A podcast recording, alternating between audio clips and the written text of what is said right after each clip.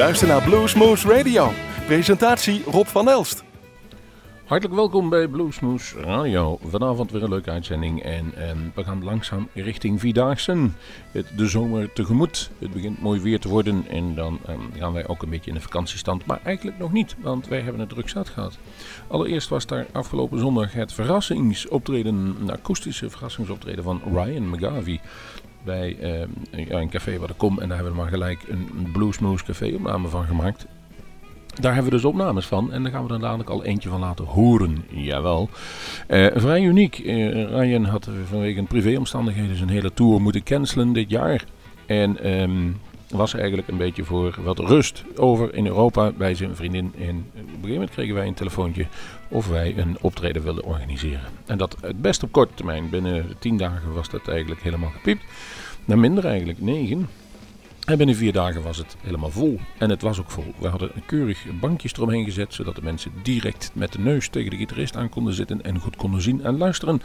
En um, ja, het werd een gedenkwaardige, gedenkwaardige middag met mooie, mooie opnames. En misschien wel zo mooi dat er een, misschien een live cd van aan zit te komen.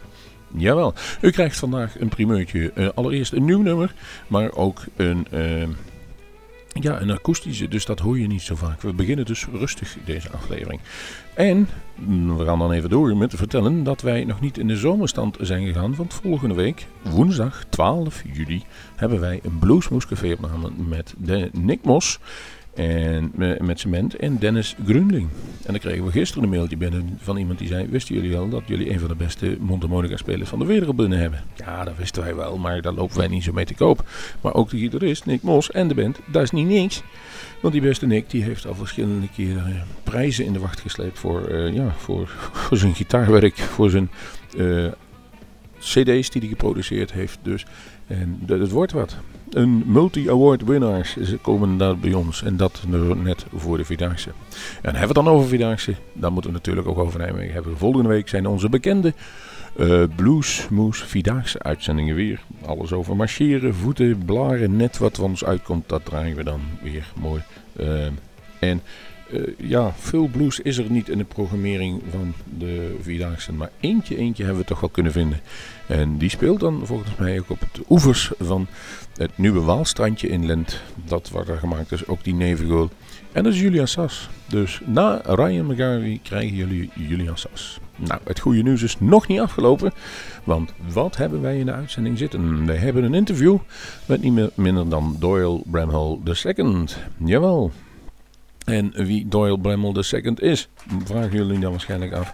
Nou, dat gaan we helemaal uit de doeken doen nadat we zijn begonnen met wat ik al eerder aangekondigd had. Ryan McGavie. Een nieuw nummer. Waarschijnlijk op een van de nieuwe CD's die volgend jaar gaan komen. Maar nu al akoestisch voor jullie te horen. Helemaal voor ons gespeeld. Six Feet in the Ground. Ryan McGavie.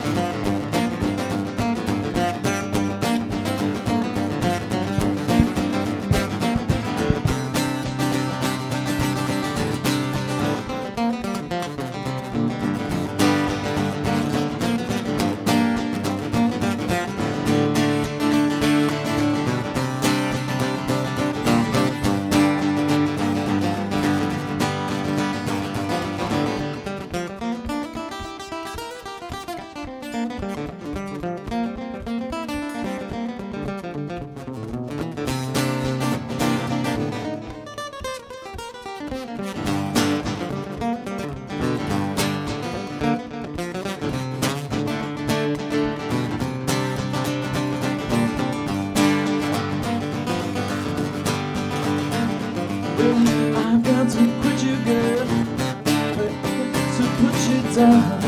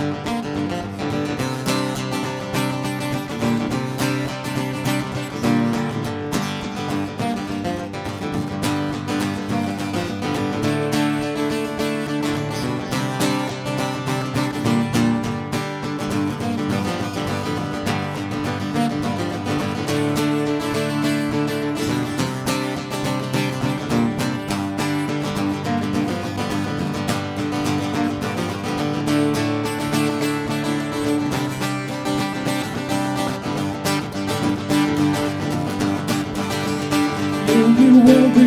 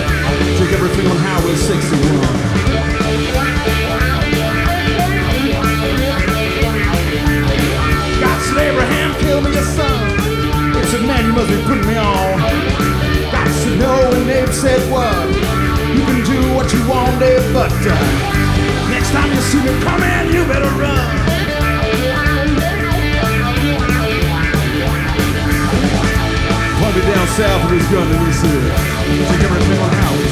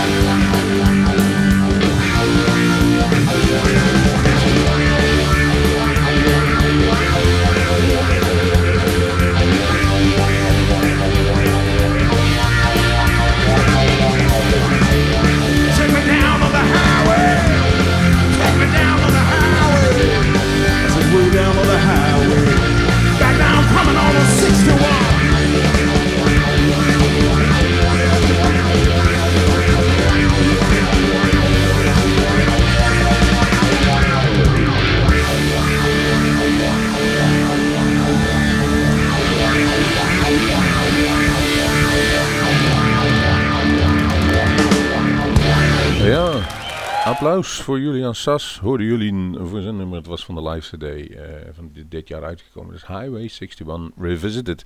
En eh, Julian kun je dus live zien met de Vierdaagse. eh, kijk even op vierdaagsefeesten.nl. Daar staat het hele programma op van het hele weekend. En eh, misschien dat er links en rechts nog wel wat te doen is. Misschien op de boot de Zeester. Die hebben meestal wel een onaangekondigd programma met goede muziek. En voor de rest is het natuurlijk bijzonder gezellig in die binnenstad van Nijmegen. Daar hoeft niet altijd blues te zijn. Maar wij gaan Julian wel even opzoeken met het scootertje over de Waalbrug heen. Komen we nu aan een fix, fix, fix, fix, fix gedeelte van onze uitzending. En dat is het interview dat we hebben gehad met Doyle Blamel tweede. Hij was aanwezig op het bluesfestival in, bij, in Ospoel bij Moulin Blues. Daar speelde hij en daar hadden wij van tevoren even een interview met hem. En als jullie straks nog iemand anders horen erbij, dan klopt het. Dat is Wil Wijnhoven van Bluesbreaker. Die schoof erbij aan en die zijn 5 cent ook even een potje als hij een paar goede vragen had. Zodat we eigenlijk eh, een, een co-productie hebben gemaakt. eh, Zodat hij het ook kon gebruiken voor zijn eh, radio-uitzending. En wij hier. Nou, het heeft even geduurd voordat we het helemaal klaar hadden. Maar nu is een mooi moment om dat te gaan doen. Gaan we eerst even Doyle Bremmel de tweede introduceren bij u. Eh, Amerikaans gitarist, zullen we zeggen. En songwriter, onder andere bekend geworden met zijn werk eh, dat hij samen deed met Eric Clapton, maar ook speelde hij met Roger Waters. Hij heeft een hele tour gedaan in de Flash, waar hij samen met Snowy White, dus de gitaarwerk van onder andere David Gilmour op zich nam. Nou, dan kun je wel iets. Hij is de zoon van songwriter en drummer Doyle Bramhall. De eerste, waarschijnlijk, dat zag u al aankomen toen hij eh, het tweede heet. En Doyle Bramhall, de eerste, was onder andere de, ja, de legendarische bluesman.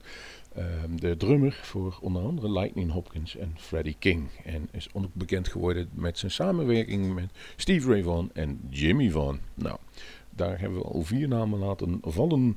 Als die mensen bij jou in huis komen als kind bent, dan krijg je toch wel een klap van die muzikale molen mee. En dat bleek ook wel. Ehm, zelf is de Doyle Bramwell begonnen met toeren bij Jimmy Vaughan's band, The Fabulous Thunderbirds. En twee jaar later heeft hij zijn eigen band gevormd, de Archangels.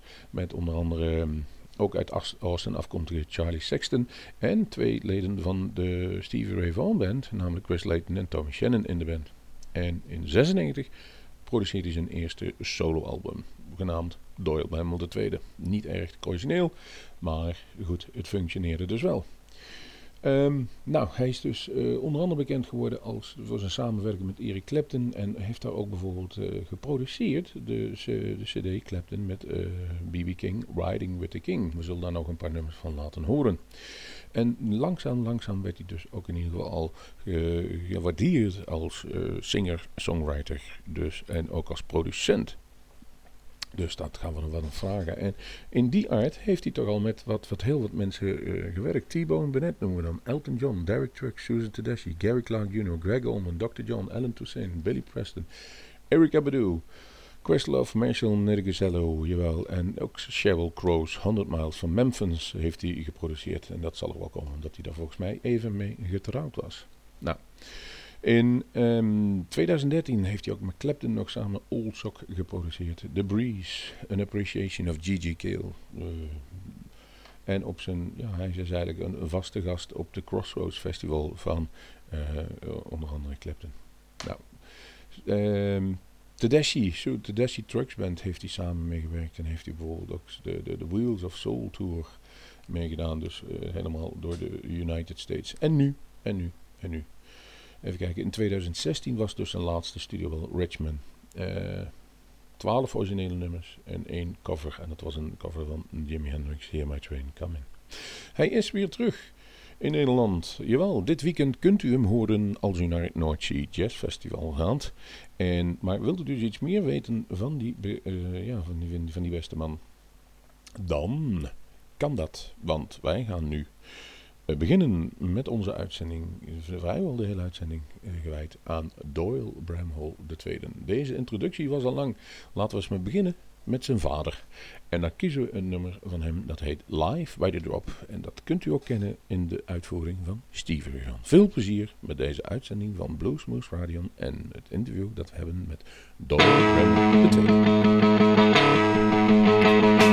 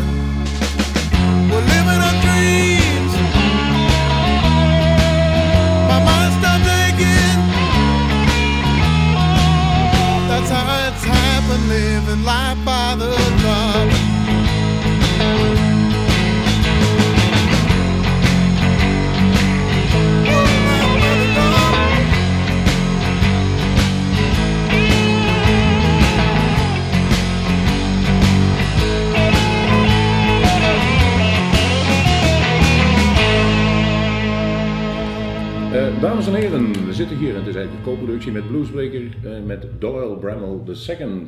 Uh, nice to meet us. To meet you, sir. Yes, thank you. Nice to meet you. You're in, a couple of hours away from your performance here Moulin Blues.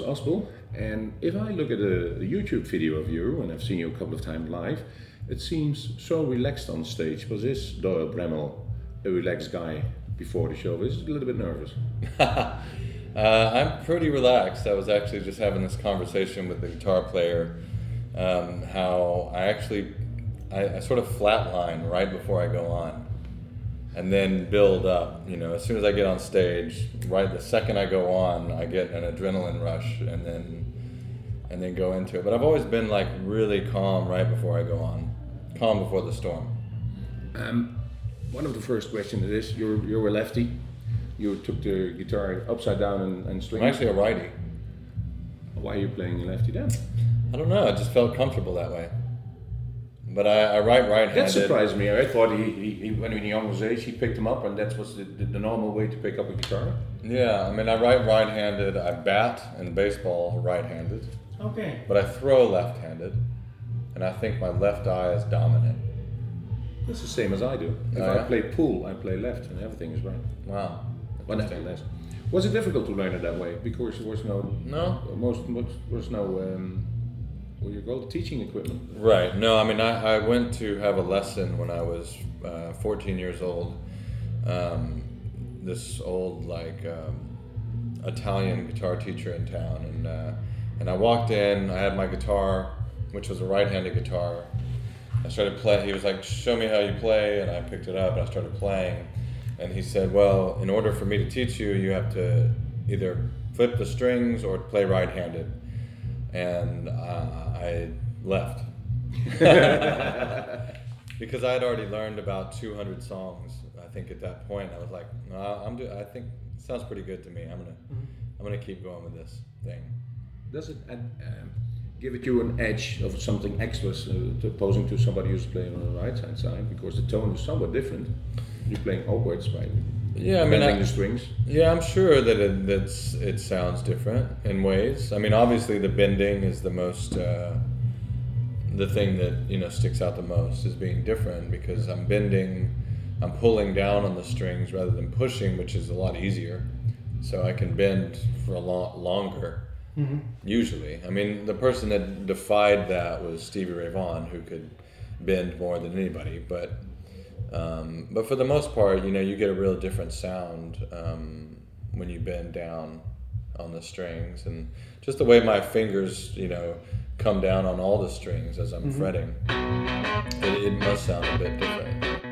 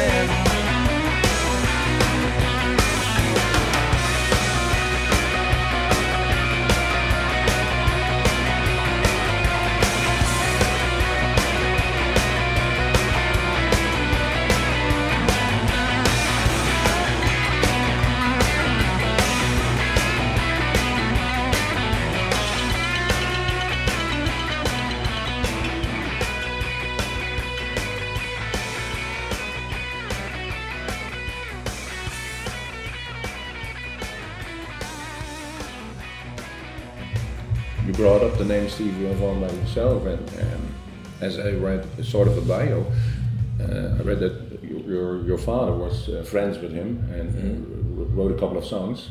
I was living in a family where such great players were in and out? Um, well, it seemed very normal for me. So I grew up with Stevie. Stevie was like um, he was like an older brother to me. He was in between me and my dad's age. So he was like he was like my dad's little younger brother and like my older brother. And then Jimmy Vaughan was more like my dad's age. Yeah. So he was more like a father figure to me as well. So I mean, the the caliber of musicianship from guitar players growing up was set very high. So Yeah, what I was used to hearing was Jimmy Vaughan, uh, Stevie Vaughan, the, the other the other guitar players in Texas that were playing coming up at the same time, and then I would you know see uh, Freddie King play a lot. So that was my bar for guitar playing, which was very high. Very right. Yeah. Thank God for that. But I mean, that's all I knew, and that just seemed like normal to me because that's all. That's what my life was. That's what. So your, your father took you with, as a young guy Yeah. to every gig from Yes. the great man. yeah. Okay. Yeah. So the, they would have a lot of times because back in that day it was like the late '60s, early '70s, Mhm. where it was a bunch of hippies and everybody would bring their kids and they would all hang out and they would fall asleep under the stage or, or near the stage while bands Yeah. played.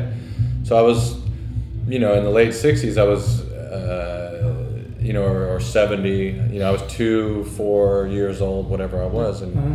and I was seeing Fast Dominoes and uh, and Freddie King and Leon Russell and um, you know all the Gee. Uh, Albert Collins and Yeah. That's why we, we a, couple, a month ago we interviewed Tasha Taylor, who was the daughter of Johnnie Taylor. Oh, And yeah? She said it was brought up in the side skirt of the of the stage. She was always with him when you smoked. She didn't knew better than anybody was. wow. So that's uh, I, pretty play, I played a show with Johnnie Taylor once. okay. Uh, it was Johnnie Taylor, Dr. John, me, and my dad, and a guitar player named Denny Freeman from from Austin as well.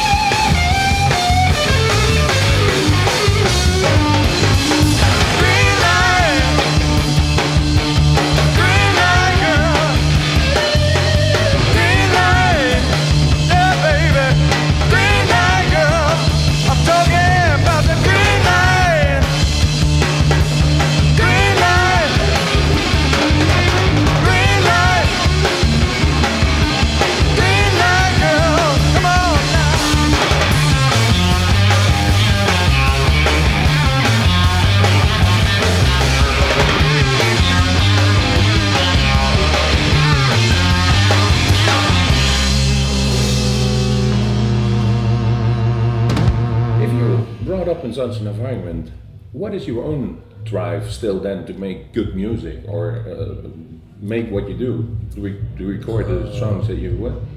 Yeah, no, I think that it, it just sort of, I think the songs just sort of come like uh, almost like channeling kind of thing. So I don't really dictate. Like I can't force the the stuff to happen. Like if I sit down and I have nothing, and I'm trying to make something happen, it won't happen.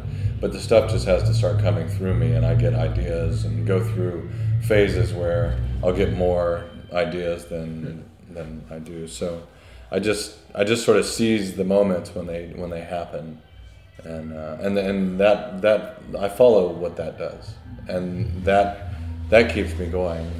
You're also a producer. Yes. Um, how do you how you can help somebody else produce a better song than he's coming to you with? I know you work with great great names, but what brings you to the table that can make something better? Um, it's not necessarily uh, better or not. It's just if the the artist uh, f- connects with what I do musically, um, then if I can connect to their music in a way that's really intimate, and I and I get what they're doing so much, then it'll be much easier for me to facilitate what they're doing because I really understand it and I get real inside their their music.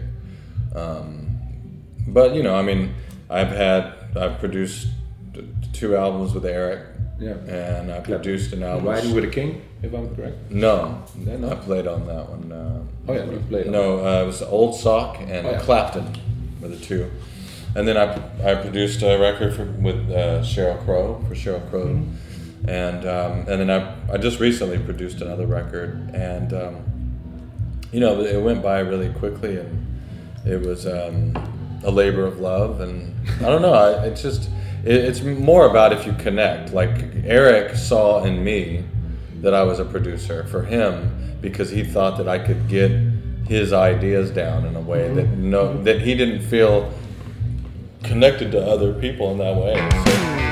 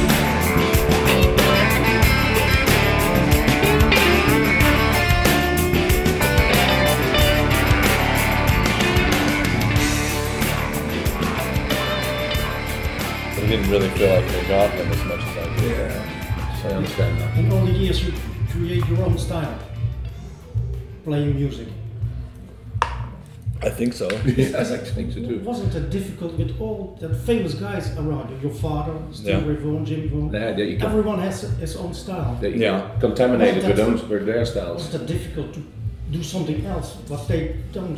Not really, because I think that it's like if you, you know, when I first started out, I wanted to be exactly like Stevie Ray Vaughan. I wanted to emulate him. I wanted to play just like him. Um, and then it switched when I started playing with Jimmy Vaughan, and I got really into his playing and learned how to be more of a team player and um, learned how more about accompanying other musicians on stage rather than it just being about me. And um, and also, it seems that you know when I stopped emulating or trying to emulate Stevie and just listened to what was coming out of me, you know, it's like having a, a fingerprint. It's like we all have different fingerprints. fingerprints, yeah. We have different voices. We have different thoughts that are gathered in certain ways, different ideas, mm-hmm. and uh, it's the same with music. You know, if you follow what your voice is, mm-hmm. so to speak, mm-hmm. then you're the only one that can s- express that the way that you can do that, and nobody else can do that. Yeah, that's right. So I think, but you have to get outside of the just trying to be like other people all the time to find that voice and what that Yeah. true thing is. And if you write your own stuff, last CD, or um, what comes more easy, the, the lyrics or the, the music, the licks to you? Well, for me, unfortunately, it's the the music that comes easily for me. Music and melody, um, almost everything comes much easier for me. You know, I can write songs all day long, and as soon as I have to write lyrics, I'm like, oh Jesus. But So, so usually, uh, you know, I'll get I'll get ideas uh, lyrically for songs in the moment when I'm doing them or recording them, and then I'll take them back and sort of piece together what I've said and what I think that I say. Your mama can't help you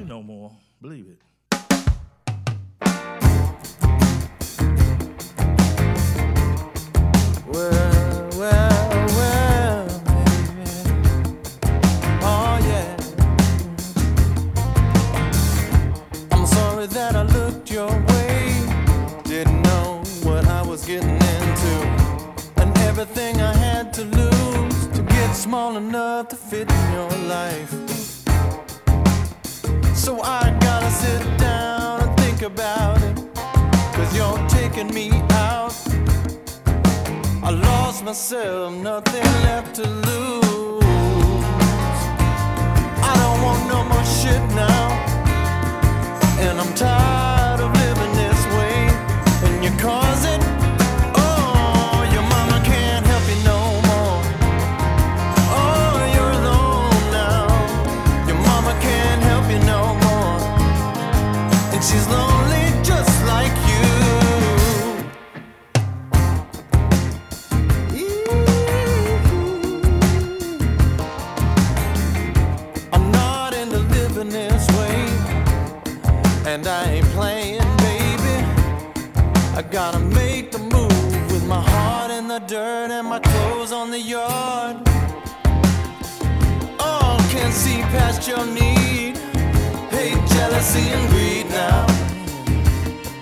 take everything, and I'm out on the street. So why you still stirring up shit now? Aren't you tired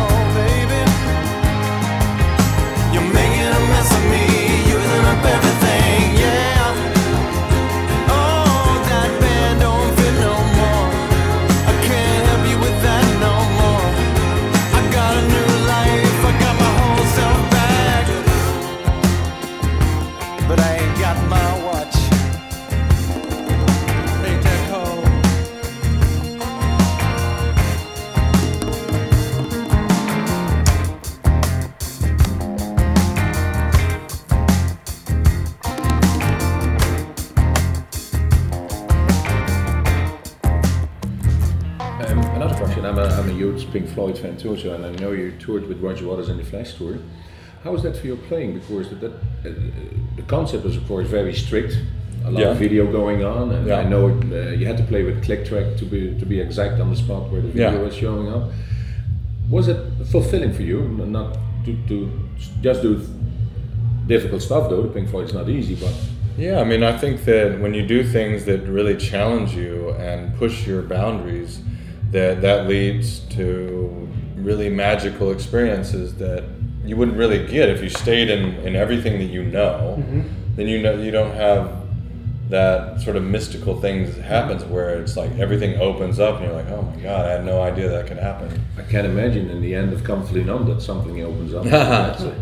Yeah, and with that, it was like I had never, I'd never played music in that way that was real conceptualized, and um, and so purposeful in that way. You know, he was very purposeful, Roger, in his in his concept and his songwriting and how he and you know his politics and ideologies and all of that. Mm-hmm. So to be a part of that was really like being a part of uh, like a, a play. Mm-hmm. Yeah. You know. Yeah. He's, he's very strict. Yeah, so I was a I was like an act I was almost like an actor playing the mm-hmm. part, but we're actually playing music, you know. I know that Eric played with the um, uh, Pros Cons of Hitchhiking Yeah. tour. He played on E set. I, Yeah. I, I came one minute that I could do a little stuff, and the rest was just do what you said. And he didn't like it very much. But I heard in an interview, you probably first hand. Yeah, I know. I, I think it was sort of funny when I, because I had uh, just finished the Roger Waters tour when Eric called me to be in his to play with him, and uh, that was one more thing we had in common, me and Yeah. Eric, that he had played in Roger's band on that tour. Yeah, I. I had played with Roger. We were also playing with Andy Fairweather Low, who was his guitar player, and also Katie Kissoon, who was his singer and also Roger's singer. But then we also had the connection with the Vaughan brothers, and obviously Eric had a very long relationship with the Vaughan brothers, who I grew up. So, and you know, we also had, uh, you know, our our uh, recovery and, and uh, as well. That we put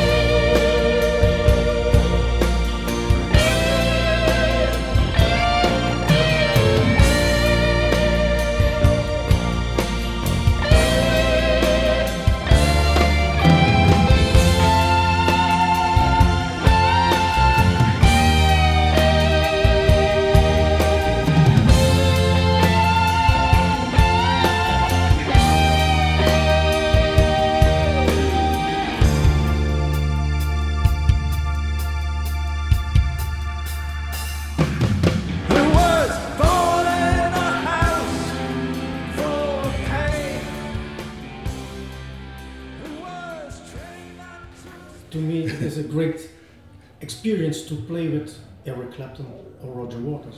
Yeah. I think so. I can imagine that as musician. Maybe, Yeah. maybe, maybe it's business as usual because they have to. What Do for they them? to You mean for them? For them, no, they, they, they everybody on, on stage have to give his best. Yeah. Their best is maybe different than somebody else's best, but Right. they do what they do. It's all relative. Yeah. Yeah, that's what it is. If a youngster was picks up a guitar, what you would say to them? What's the best way to, to, to make it in the world of to enjoy music?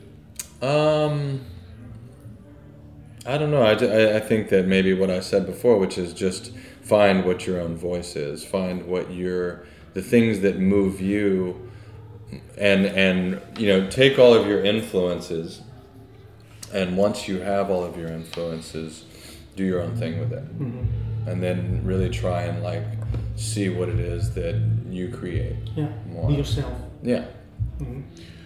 I think slowly we can wrap it up. What's um, ahead of us the coming years from Doyle Bramhall II? Well, for the next, uh, I guess through that throughout this summer, I'm going to be touring in Europe on and off.